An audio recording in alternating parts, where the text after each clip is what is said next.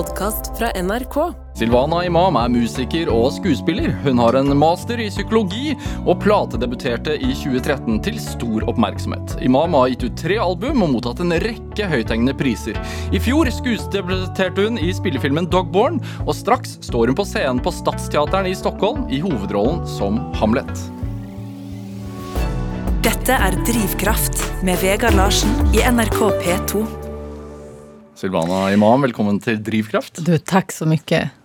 Hvordan har du det? Jag går mellan, eh, mellan total misär och total lycka.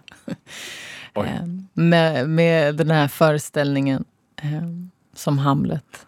Er, er, er, det, er det sånn ellers også i, i ditt liv? At det er enten total misär eller total lykke? Nej, det är det faktiskt inte. Det är verkligen, jag, jag är faktiskt i, i, harmoni i mitt, liksom, i mitt liv Ja. utanför teatern. Men, men eh, just, jag repar ju varje dag och det är väldigt, ehm, en väldigt ehm, speciell upplevelse att få utforska alla de här känslorna och vem, vem liksom Hamlet är och kanalisera dem genom mina känslor och tankar om samhället idag. Ehm, Det är ganska... Ja, det är... Ja, men det är tufft. Hvordan er Hamlet eh, aktuell i dag, da? Herregud. Eh, bra, ja, men bra fråga. Alltså, så här, det finns ju en... jag tror... Alltså, Hamlet är ju den eh, pjäsen som har spelats mest i, i världshistorien. Och det finns en anledning till det. Jag tror Shakespeare förstod sig på människan på ett sätt. Eh, och pjäsen rymmer bred mänsklighet. Eh, Hamlet är också den första karak- manliga karaktären som psykologiseras. Eh, du vet, innan hade vi ja, men, alla de här Aristoteles, Herkules, alla de här männen som bara var superstarka och ville, och, och liksom de här gudarna. Men Hamlet vill ju inte vara prins. Han tycker inte om den rollen. Han är... Ikke Han- heller han- maskulin, på et vis? Nej, men precis, han är inte alls maskulin. Han har ju mycket mer feminin energi. Eh, så han brottas med det. Han brottas också med tanken av att han har, hans far har ju dött och att han har gjort sin far besviken för att han inte är den här macho... För att han inte vill vara en del av kungariket som han tycker är ett spel för gallerierna. Och det tycker jag man kan se. Det är en bra liknelse med vad som händer idag. Altså Kort oppsummert, altså Hamlet, for de som ikke har lest eller sett stykket, så, så handler det om at faren til Hamlet, kongen, er, er død. Precis. Drept. Precis, han dödas. Exakt. Och så får man reda på av vem eh, Hamlet besöks av olika... Ja. ja, vi ska kanske inte... Masse spøkelser. Jeg, jeg tenker Precis. at Hamlet er et av de stykkene vi fint kan avsløre. Att vem, vem som dödade far. Ja, altså hva for Ja, han, hans- handlingen. Ja, men, ja, ja, verkligen. Eller hur? Det, är en, det känns ändå som att folk ska veta vad det är. Men Ja. det är ju farbrorn som har mördat Hamlet då. Ja. Eh, och eh, som har blivit kung då efter... Han mördade alltså sin bror för att bli kung och han gifte sig med Hamlets mamma. Eh, och, och jag menar, det är också det här, ja, men vi ser idag så här, bröder sviker bröder. Det, är- det, är mycket, liksom, det är mycket hemskt som händer i våra samhällen med Ja, men med gängkriminalitet och, och det har ju varit så länge. Inte bara i Sverige eller vet jag faktiskt inte riktigt hur det ser ut i Norge med den biten. Men det finns en aktualitet i pjäsen som är viktig. På hvilken måte? Eh, alltså allting svek, eh, Hevn? sorg, va? Ja, hevn. Hä- Hämnd. Ja. Ja. precis. Hämnd. Ja. Ehm, så ja, jag, jag hoppas att... Det som är viktigt för mig är att eh, empatisera med...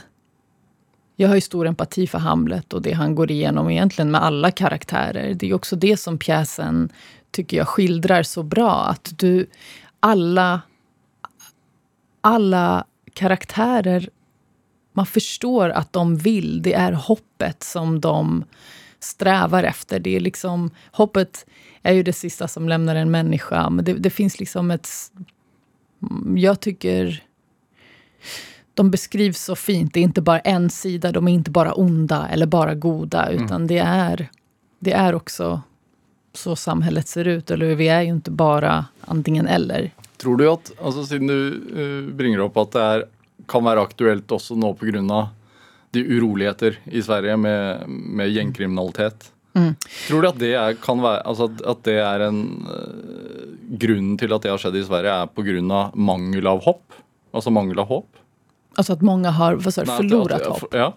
Ja, det tror jag verkligen. Att det kan vara en, absolut. Jag är inte så, jag är inte så insatt i liksom detaljerna där, men eh, jag tror att när det inte finns, eh, när ungdomar inte göds med drömmar och tro eh, och liksom bra förutsättningar, då är ju det här, är ju kriminalitet en väg som tyvärr de går.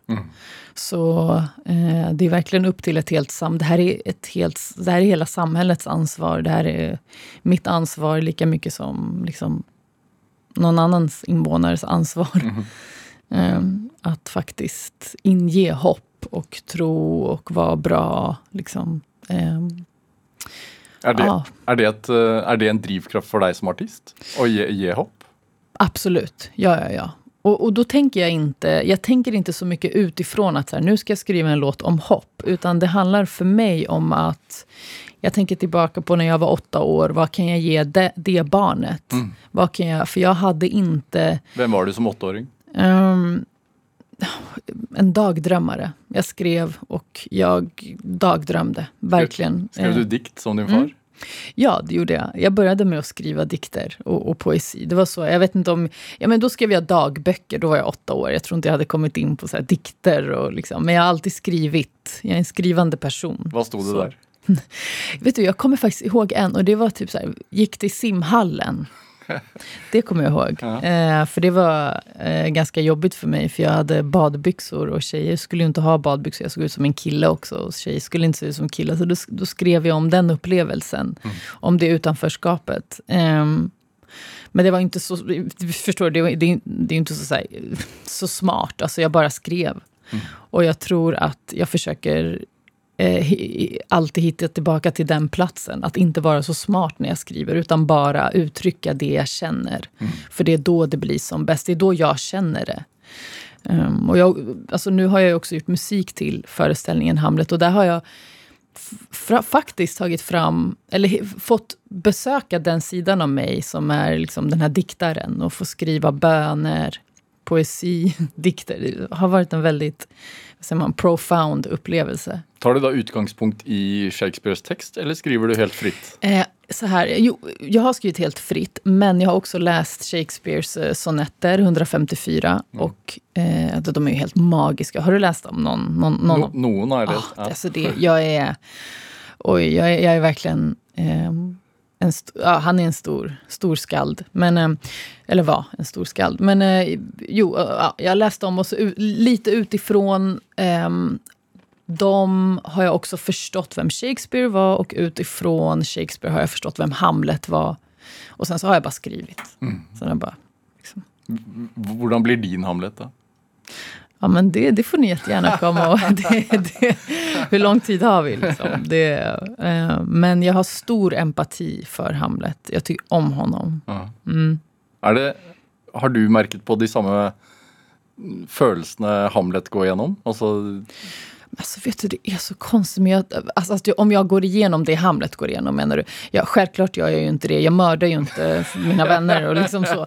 Eh, och, eh, nei, men nej. i overført Men- betydning. Ja. Precis, precis. Men, men jag, jag eh, absolut kan eh, eh, förstå det han går igenom utifrån det att han ser igenom det här eh, samhället och de här, han ser igenom, han ser bortom ridån.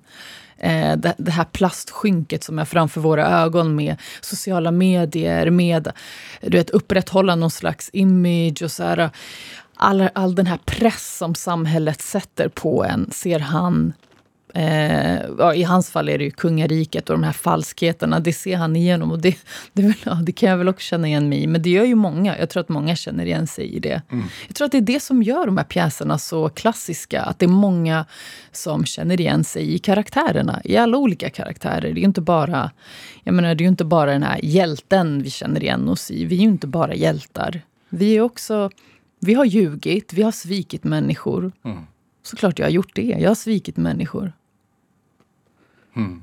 Vad gör det med imaget då? Att vara en uh, rapper som går på Stadsteatern och ska spela Shakespeare?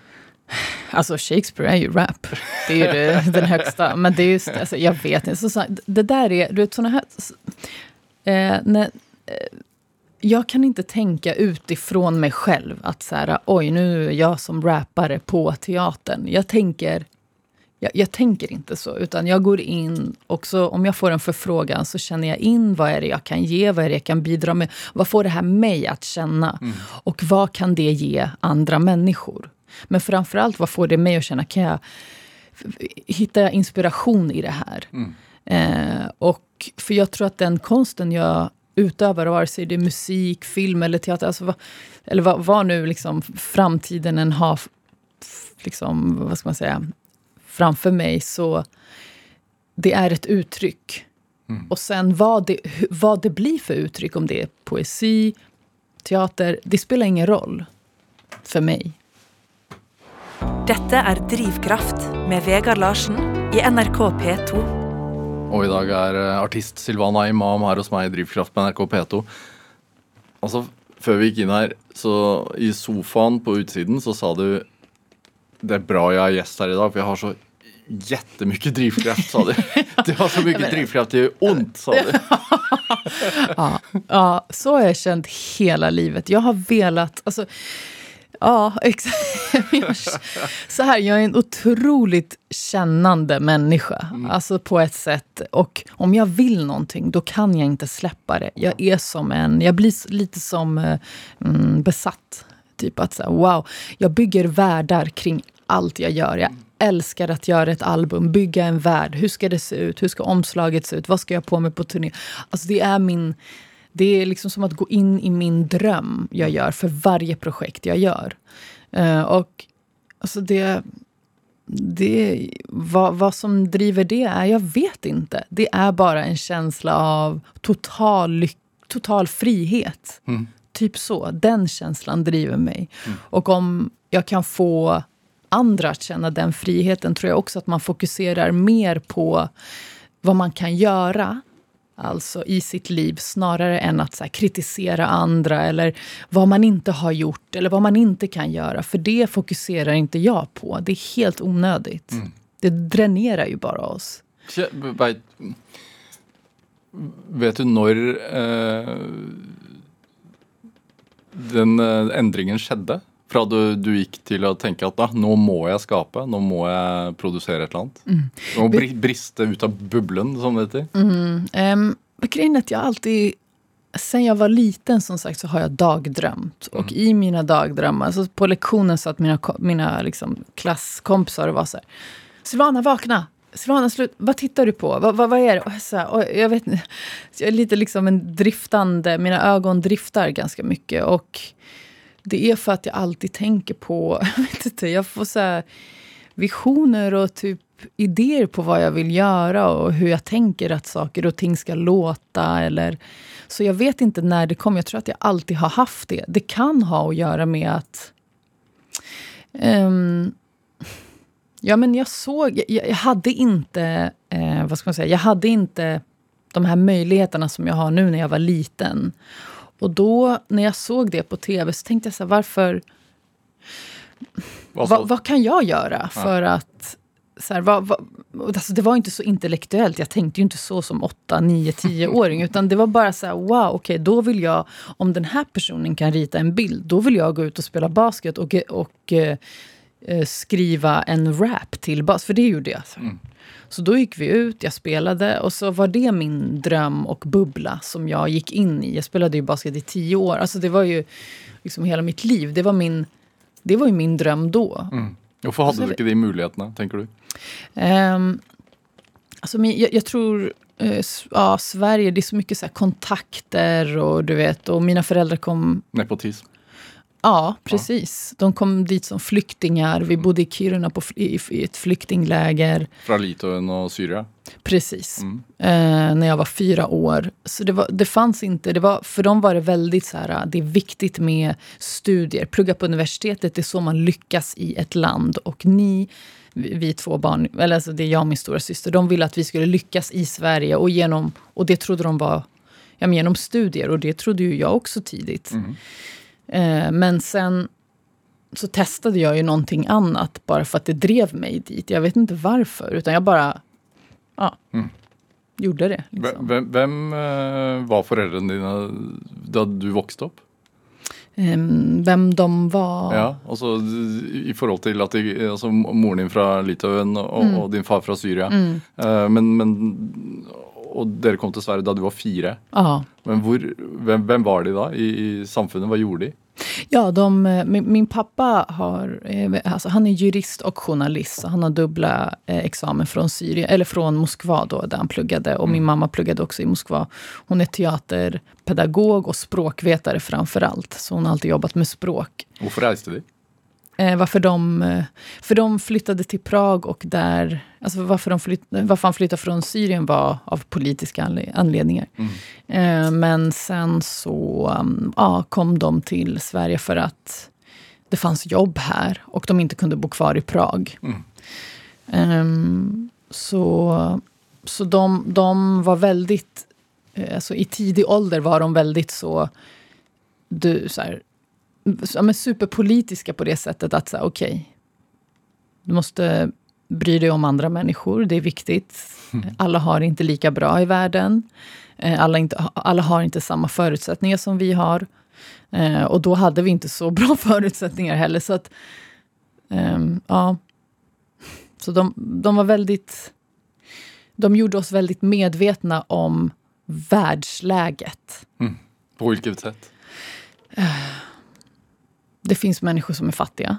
Ta inte allt för givet. Vi har mat på bordet. Vi ska skatta oss lyckliga. Vi ska vara tacksamma. Mm. Sådana saker som jag bär med mig varmt idag, självklart. Och nu, också när man växer upp i ett sånt land som Sverige, det blir ju så här, okej, vad kan jag göra mer?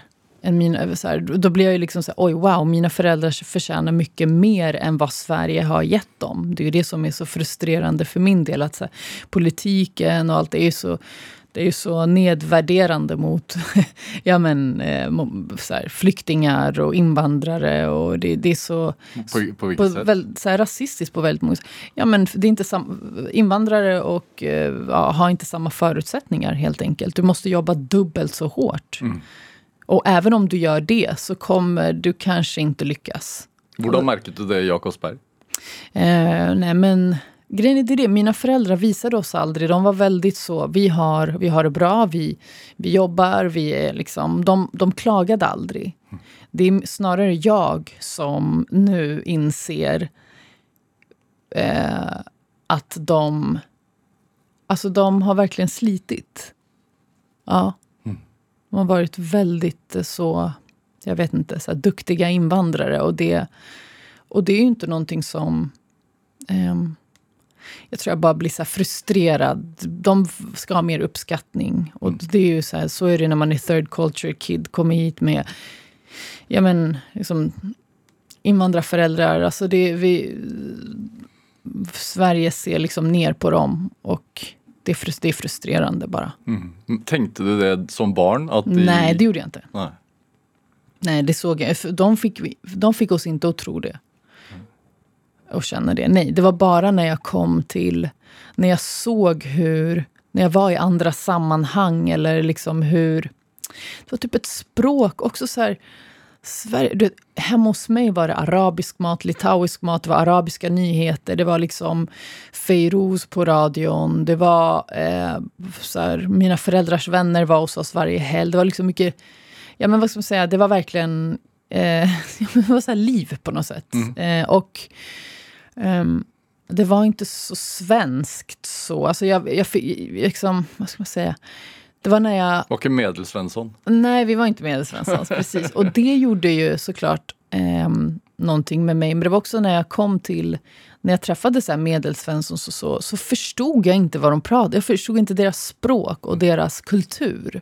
Så även om jag då liksom passerade som svensk, som blondin och vit så här, i min hudfärg, så var det som att jag bara... Och de trodde att jag var en av dem, så fattade inte jag ibland vad de menade. Jag var så här, gud, hur ska jag... Hur ska jag... eh, hur använder jag kniven och gaffeln här? Och när använder jag... Förstår du? Vi satt på middag och det finns olika så här, kutym och regler som jag inte fick lära mig hemma. Ehm, och det var då jag insåg också så här, oj, jag är verkligen... eh, jag skiljer mig väldigt mycket från de här, fr- från de här människorna. Ehm, Hva fører det til? vad sa du?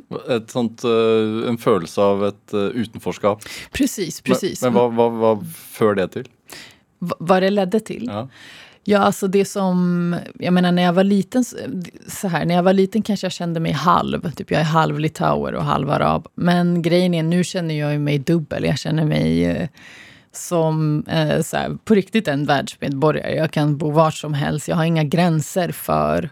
Alltså så här, jag är mer... Ja, jag vet inte. Det, jag, jag ser det som en tillgång snarare mm än när jag var liten och var lite så oj, jag är invandrare. Alltså så här, för det var ju så de fick mig att känna, liksom, att det var något sämre. Typ. Men, eller, jag vet inte om de fick...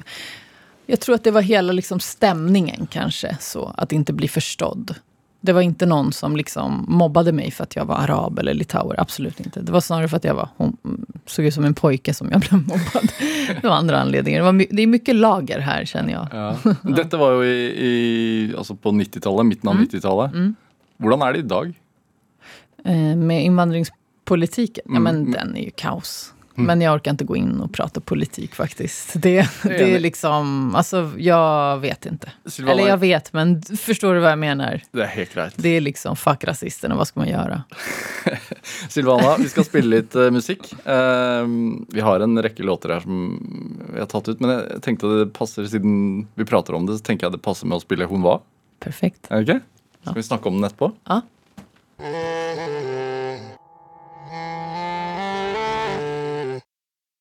Hon var fyra år när hon kom hit Till Kiruna bagage utan flyttbil. Hennes mamma hade drömmar om ett nytt liv. Hon är sin mammas dotter, nu är hon folkets. Hennes pappas hjärta brann för politiken. Men det var för mycket för tidigt. Hennes pappas ramar kvävde henne. Hennes mammas kramar läkte henne. Sju år blev retad för sitt korta hår. Helt ensam på en skolgård. Hennes syster var den enda som hon litade på. No new friends, det var bara de två. Hon sa, visa dig aldrig svag. En dag ska du ge dem vad de tål. En dag så är allt det här vårt. En dag ska dina drömmar gå i lås. Nio år när de började spela basket. Lagspel gjorde allting för laget.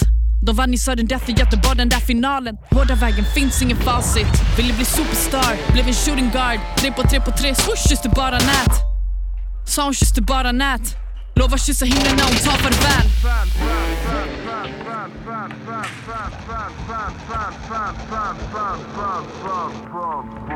Ah, 13 år när de frågar vart de kom ifrån. De hade pappas kort och blont hår. De ville ha krig, så hon bara kom då. De snackar skit, så hon bara kom då. 19 år när hon flyttade till New York. Satsa allt, fick inget, bara kolla bord, kolla bord, kolla bord, kolla bord. Tills hon fick fucking nog. Tills hon fick fucking nog. Det här var början på en depression. Tackla allt hon gått igenom och nu är hon i sin egen zon, egen zon, egen zon. 24 år när de bombade hennes hemland. Kom till Sverige för att fly den där känslan. Hur blev allt så ensamt? Hur kan hon vilja döda det där hjärtat? Bor på rätt sida kontinenten Så nära svartklubb och ravefester så när det överdos och fem rätters bara överflöd långt från svälten. Hennes hemtjänst som vilda västern. Alla flyr, det är alla mot alla. Och hennes pappa gråter. Om hon kunde skulle hon ta honom bortom molnen. Kan hon skissa om och ändra spåren? Yeah. Vill jag mer än vad hon får men hon kan inte glömma bråken. Han var största homofoben. Men tiden gjorde sitt och nu är allt det där förlåtet. 26 år den natten det var stjärnklart. Och hennes syster sa du ska bli moster nu. De är vuxna nu, flashback från när de var små. Hur filar jacka buffalos från pappas gamla parabol Till mormors nya kyrkogård. Ingen sommar i Litauen, inga släktingar kvar för hon kapade banden. 27 år när hon träffade RMO Visste det var början på något grandiost. Visste hon vad resten världen väntar på? Nu regnar regnbågsfärger över Sverige. Målar regnbågsfärger över Sverige. Jag målar regnbågsfärger över Sverige. Målar regnbågsfärger över Sverige Jag målar regnbågsfärger över Sverige Målar regnbågsfärger över Sverige Låt det regna regnbågsfärger över Sverige Hey!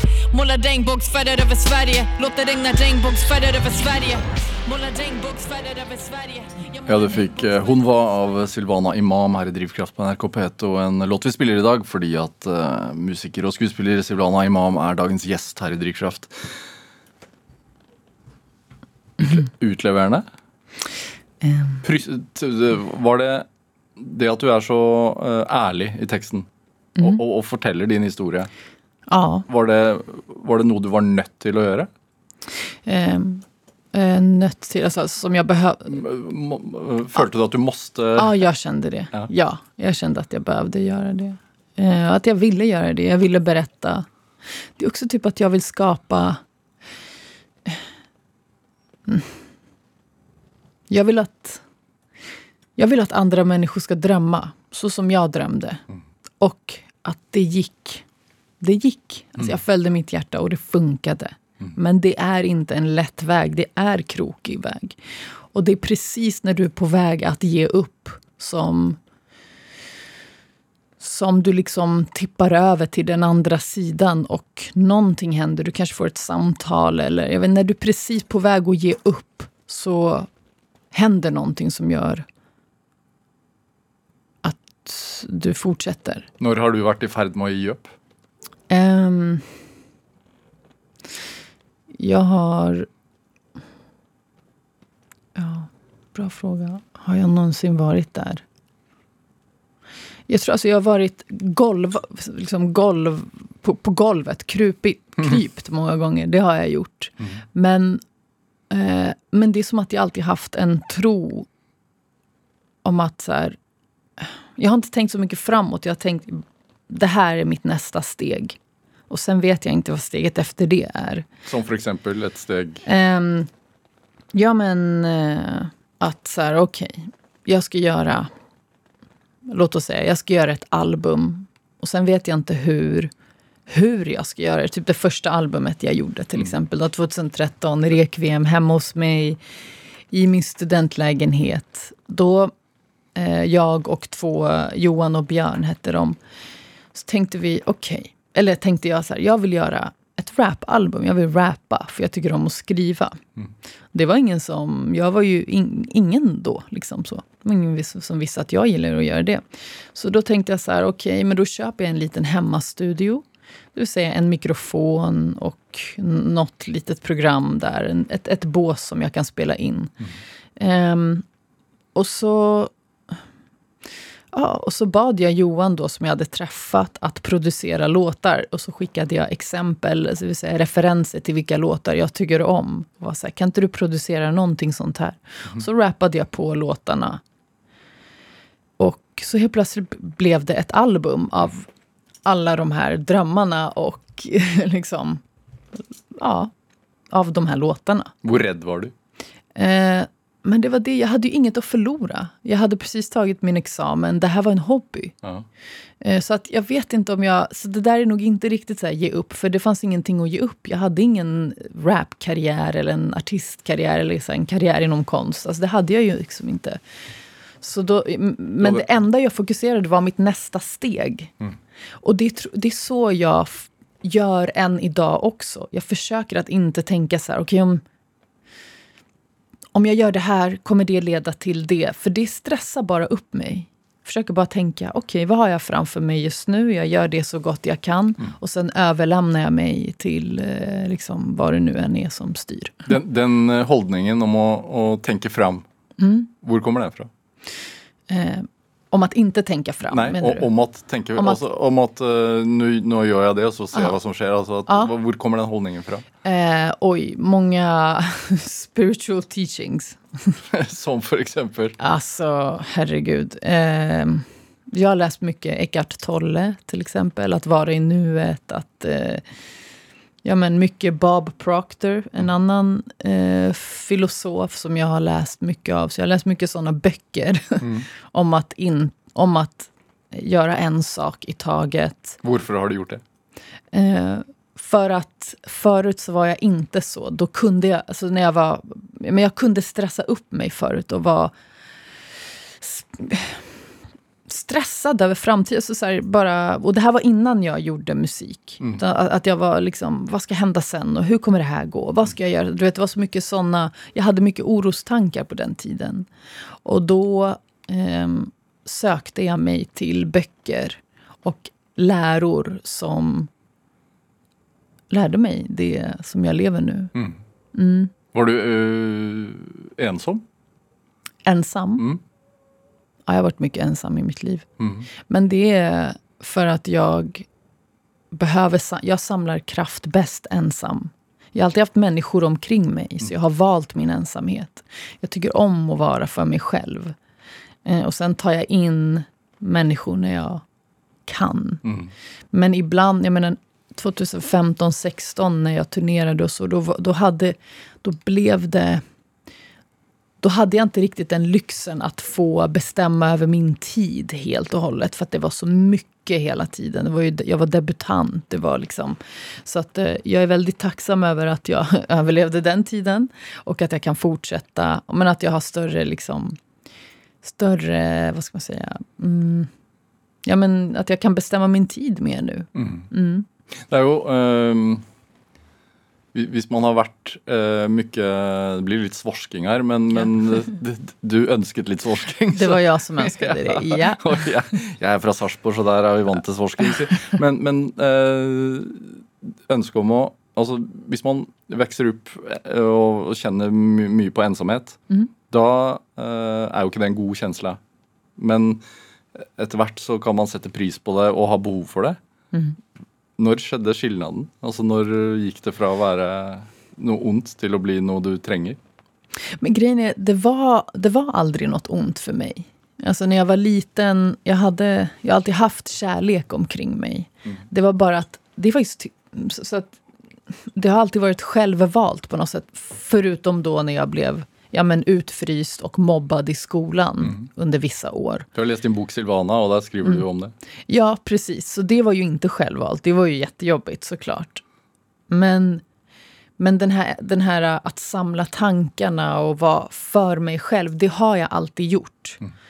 Eh, Men jag har också insett nu på senare år att jag är mycket, vad ska man säga, ja men, ja, men det är väl en typ av introvert, liksom. Så.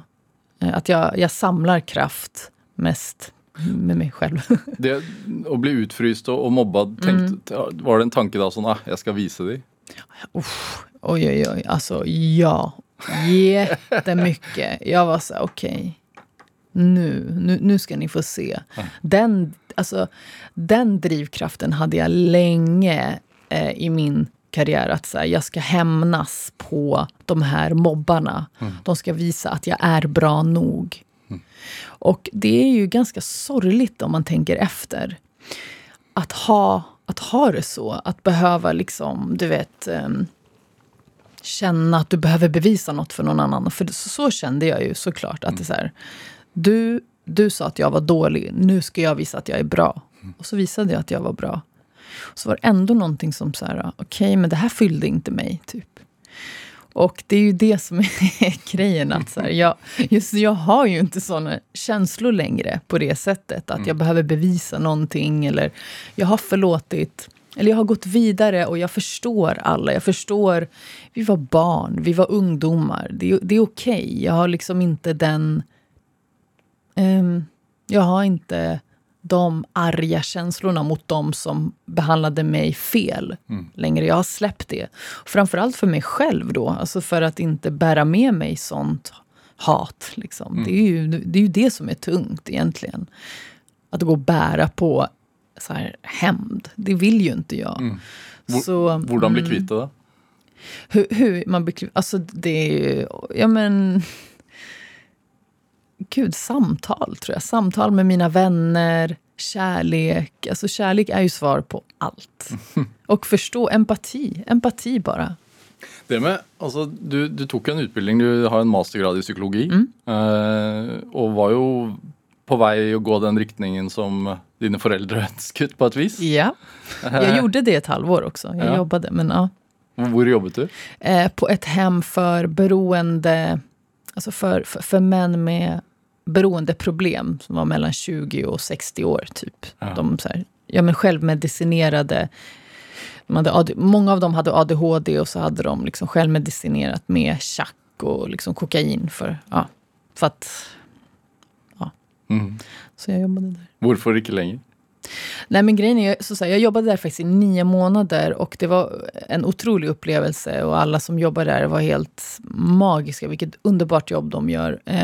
Och så, så släppte jag min första singel eh, från eh, min EP När du ser mig se dig. Så var jag så här, Uh, hörni, jag ska bara göra några spelningar ut på en liten turné. Jag kommer tillbaka, så kan jag ta tre veckors ledighet? De bara, ja men absolut. Jag kom inte tillbaka, utan då bara... pff. men, jag eh, har väldigt varma minnen från det. Eh, men kanske någon dag så öppnar jag en egen klinik, men jag vet inte. Var, det, var det, den dagdrömmingen som liten, var det om att stå på scen? Ehm. ja, jag, jag ehm, så här, på, på flera skolavslutningar så stod jag där och rappade. Jag har liksom videos från när jag, från, när jag slutade trean, står och sjunger eh, Red, eh, vad heter den, den här Killing Me Softly med Lauryn Hill i klassen. när jag slutar sexan, jag sjunger Paparazzi med Exhibit.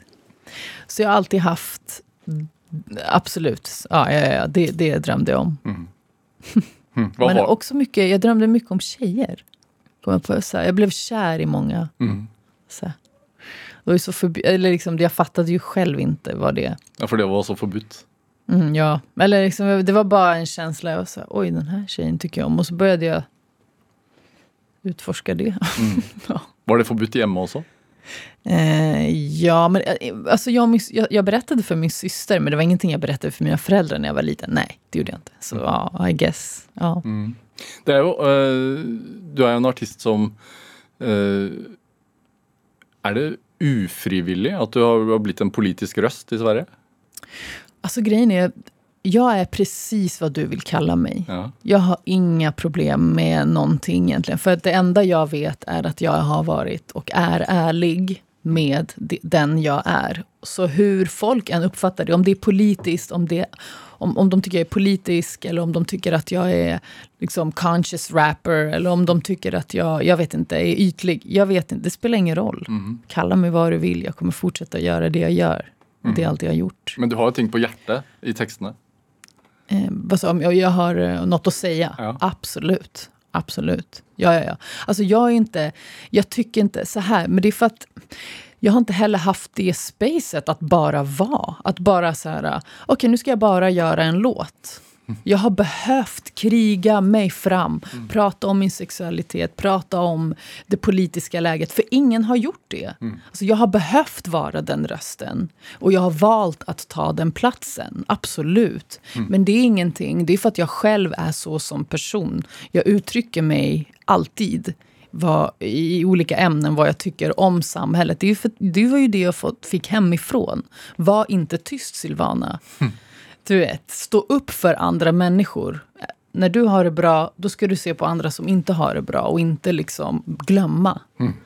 Så, ehm, Har det varit lätt? nej. Nej, jag har fått jättemycket hat för det. Ja, ja, ja. Mm, P- pass på dem. Fuck them. nej, alltså va? Jag skiter fullständigt i... Alltså det är ett kort liv. Ska jag gå runt och vara liksom vad? Inte mig själv. Dette er Drivkraft med Vegard Larsen i NRK P2. Og i dag er eh, musiker og skuespiller Silvana Imam her hos meg i Drivkraft på NRK P2. Det med rap, hvorfor ble det det?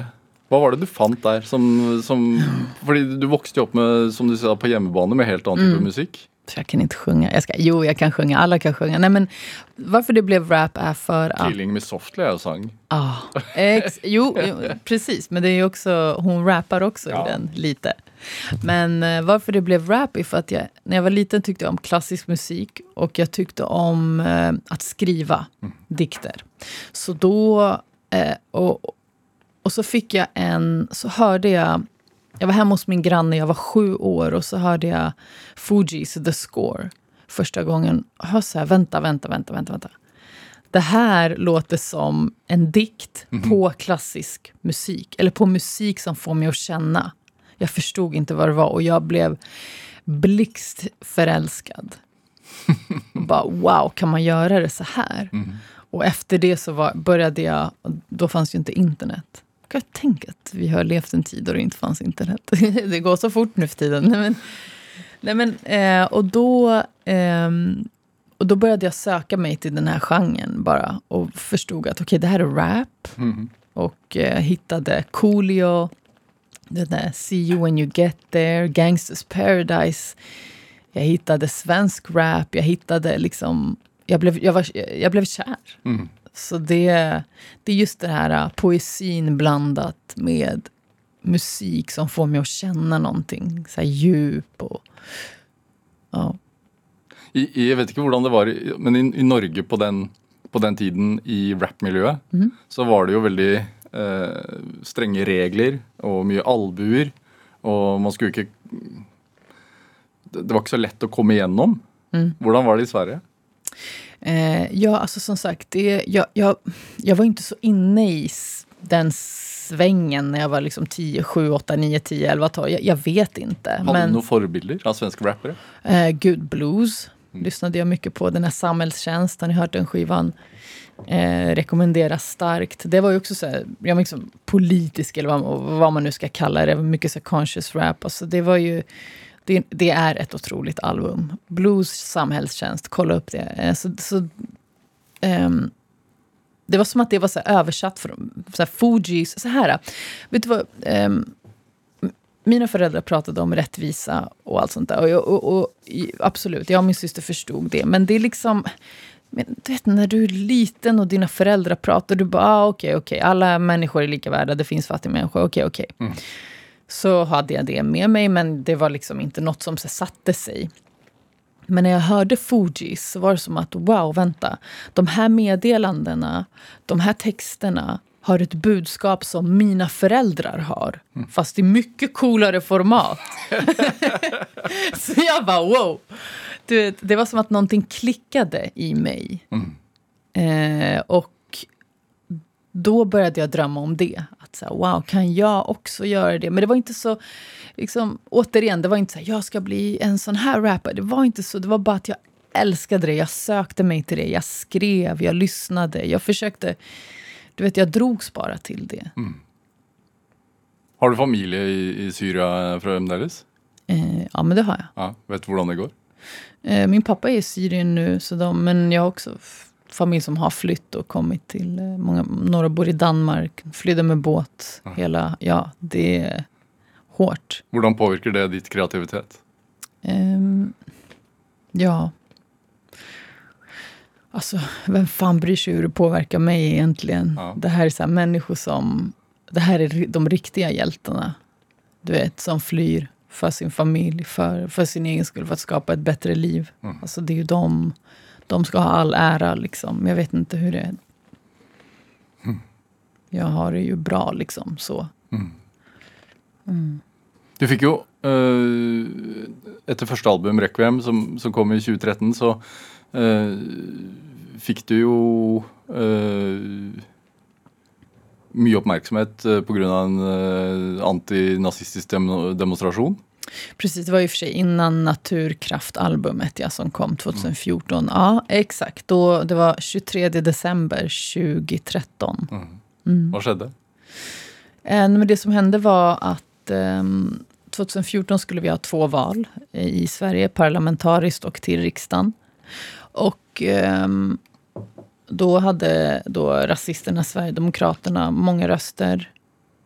Eller de, de hade inga, jag menar att de hade ett stort inflytande, vad vi förstod, att de började bli större. Och jag kände att någonting riktigt dåligt är på väg att hända här. Då var de inte inne i riksdagen.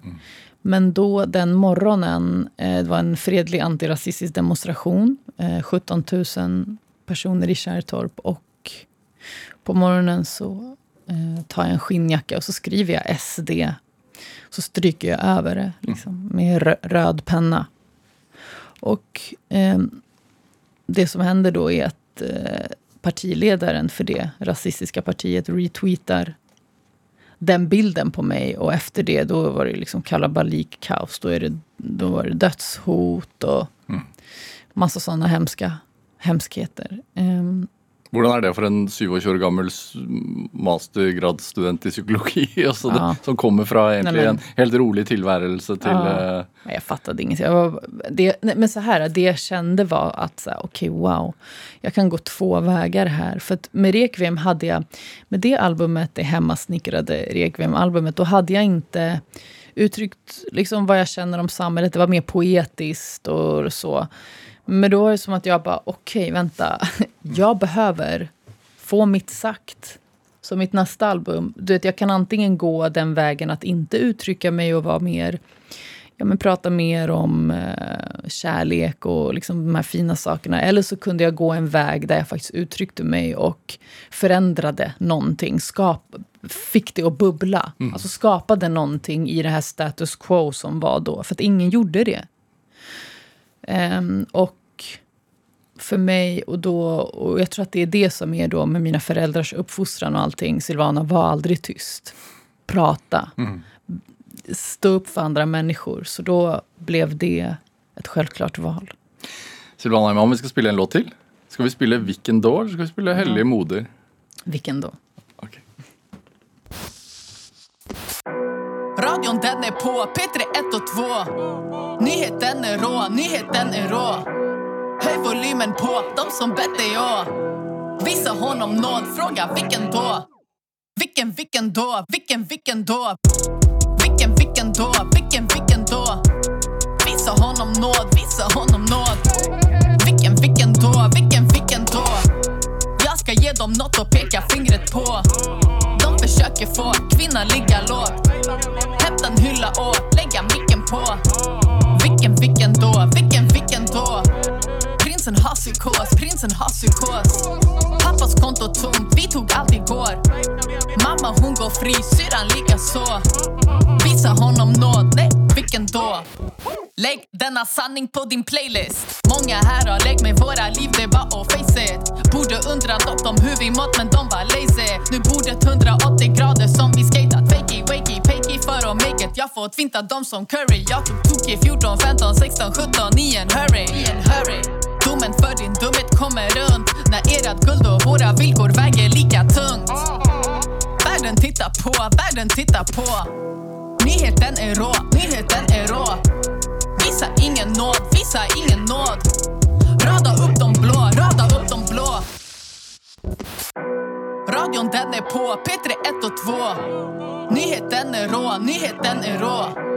Höj volymen på, de som bett dig å honom nåd, fråga vilken då? Vilken, vilken då? Vilken, vilken då? Vilken, vilken då? Vilken, vilken då? Visa honom nåd, visa honom nåd Vilken, vilken då? Vilken, vilken då? På en metoo-våg, på en metoo-våg Hjärta gjort av stål, hjärta gjort av stål Vi har fått psykos, vi har fått psykos Vi ska hämta vårt, vi ska hämta vårt en hand i luften som en mockingjay. Känner mig som Katniss om jag måste komma där för dig. Väl, väl, Välkommen till tiden efter Hunger Games. Friheten är döden, det här livet är belöningen. Svensk-litauiska araben fick en radiohit igen. Håkan, Kent och Max och Martin, alla visslar min refräng Det är mycket mer än rapmusik, det här är kvinnlig hem. Hämta dina vingar, vi ska flyga, flyga, flyga hem. Radion den är på, P3 1 och 2 Nyheten är rå, nyheten är rå Höj volymen på, de som bett är jag. Visa honom nåd, fråga vilken då? Vilken, vilken då? Vilken, vilken då? Vilken, vilken då? Vilken, vilken då? Visa honom nåd Ja, du fick eh, Silvana Imam med Vilken då här i Drivkraft på NRK eh, P2. En låt vi spelar idag dag fordi at artist eh, Silvana Imam är dagens gäst här i Drivkraft. Altså, du sa jo tidligere at da du vokste opp, så hadde du ikke noen tydelige forbilder som var som deg. Nej, precis. Er det, eh, har det også vært eh, viktig for deg å være et forbilde?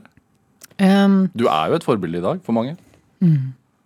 ehm, alltså jag har varit väldigt, eh, vad ska man säga, det har varit komplicerat det där. För att att ehm, jag... Som jag sa i början, jag kan inte... Hur folk ser på mig kan jag inte kontrollera eller liksom ha en saying om. Jag, jag, det är ingenting jag kan bestämma. Men det har varit viktigt för mig, eller det är viktigt för mig att vara en röst åt människor som inte har haft en röst. Mm. Det, det, det har jag, jo, men absolut. Var det en känsla många eh, runt dig i Jakobsberg hade då du växte upp? Att Att du inte hade en röst? Nej, det tror jag faktiskt inte. Alltså, jag hade inga... Jag, var, jag höll mig... Liksom, när jag var liten så... Alltså, som sagt, det var... Mm, nej, inte riktigt. Jag, jag tror inte de kände så. Mm. Nej. Mm. Men vem är det du tänker på då? nej. Men jag tänkte bara på just att så här, eh, jag hade inga liksom, så här, homosexuella kompisar. Och jag visste inte heller hur jag skulle utforska den delen. Eller Mm. queerkultur, jag visste inte vad det var. Jag hade inte... Jag kände att någonting inom, att, att jag hade någonting inom mig som, jag inte, som var lite förbjudet. Ehm, och det vill jag ju inte att någon ska känna någonsin. så, men så det var ingenting jag pratade med mina Jakobsberg-kompisar om. så. Men jag hade en annan kompis som jag pratade om det med, liksom, som inte gick i min klass eller så. Men, så jag hade ändå... Jag pratade om det ändå när jag blev ja, men på högstadiet. Mm. Men det tog ett tag. Liksom. Det, var, men det är komplicerat. Ja.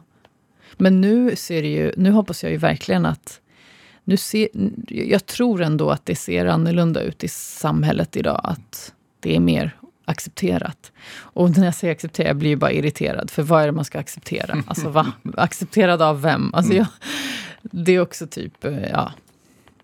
Jag vet inte. Regnbur, regnbur över eh, Sverige? Regnbågen över... Regnbågar, ja, precis. Ja. Det är det. Men är det, följer du att du har varit med och så positivt bidragit i den, eh, i, på den ändringen? Ja, Mm. det känner jag faktiskt. Följer du, eh, är du stolt av det? Jättestolt. Ja. Ja, ja, ja. Det är det som gör mig så... Alltså, när jag, får, jag får ju så många meddelanden. Det var så här, jag kom ut när jag hörde din musik. Jag förstod att jag var queer när jag hörde din musik. Tack för att du hjälpte mig genom den här tiden. Genom att jag var, det är ju det som betyder mest. Okej, bra, perfekt. Det, det är det här som jag skulle ha behövt när jag var åtta år. Liksom. Ja. Så jag skulle ha skrivit samma meddelanden som alla de som skriver till mig. Jag skulle ha skrivit så till den artisten också. Till mig, som just nu är då, som råkar vara jag. Alltså det är helt magiskt. Ja. Tack gode gud. Ja. Er det, det dette skiftet nå eh, altså Du spilte jo i en hovedrollen i en spillefilm i fjor, eller forrige fjor? Eller? Ja, du spilte den inn i, for to år siden. Ja, den kom i fjor. Eh, Dogborn, ja. Dogborn. Ja. Yes. Eh, og Mm. nå på teaterscenen. Mm. Hvorfor det? Varför inte? jag vill utforska det. Det är en intressant historia att berätta. Det är två syskon som flyr sitt hemland och hamnar i den undre världen. Och liksom ganska hem, många hemskheter liksom i Dogborn. Ja. Varför inte? Det var, jag, jag kände att det var viktigt att berätta och få vara en del av den historien och skapa eh, att jag kunde ge någonting. Och Hamlet också. Så det... Jag har ett behov av att uttrycka mig. Det har jag ju. Mm.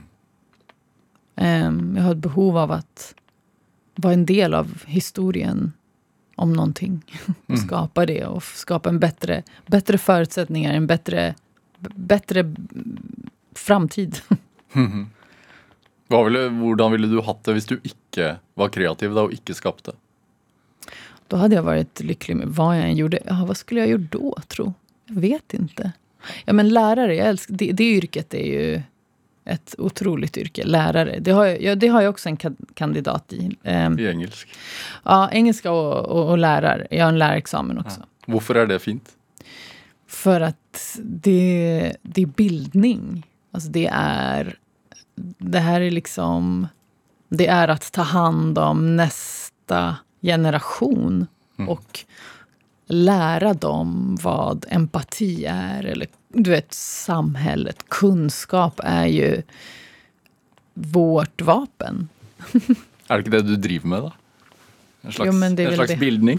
Jo, eller, jo jag tror... Ja, ja. Du, du får bestämma om du tycker det, men ja, kanske. Silvana Imam, det som du sa i sofaen her, at du har så mye drivkraft som helst. Men altså, Ja. Eh, jeg, jeg spør alltid gjestene mine her eh, helt på slutten av se- sendingen hva de tenker er, er drivkraften deres. Hva er din? Ehm, min drivkraft, min absolut största drivkraft är kärlek. Det, så är det. Det är vad det kommer ner till. Liksom. Og hvorfor blir det en kunst? För att det finns många onda krafter. Mm. Och kärlek och mörker är bara brist på ljus. Kjærlighet til hvem? Allt och alla. Silvana Imam, tusen takk for at du kom til Drivkraft. Tack så mycket för att jag fick vara med. En time går altfor fort. Skulle gjerne hatt en time til. Ja, är du redo? Hør eh, flere samtaler i Drivkraft på nrk.no eller i appen NRK Radio. Send oss ris eller ros, eh, og også tips til mennesker som du mener har drivkraft. Send en e-posten til drivkraft.krøllalfa.nrk.no. Vi hører veldig gjerne fra deg. Produsent i dag det var Kjartan Aarsand, mens eh, Ådne Feiring gjorde research til denne sendingen. Men dette, dette var Drivkraft. Jeg heter Vega Larsen. Vi høres. Du har hørt en podkast fra NRK. Hør alle episodene kun i appen NRK Radio. En podkast fra NRK. På begynnelsen av 2000-tallet dør flere helt friske nordmenn på uforklarlig vis. Han var jo ikke syk i det hele tatt. Hvorfor er han død? Felles for alle de døde er at de har drukket smuglersprit. I 30 år så har jeg solgt sprit til alle samfunnslag. Hør Dødelig sprit, metanolsaken, i appen NRK Radio.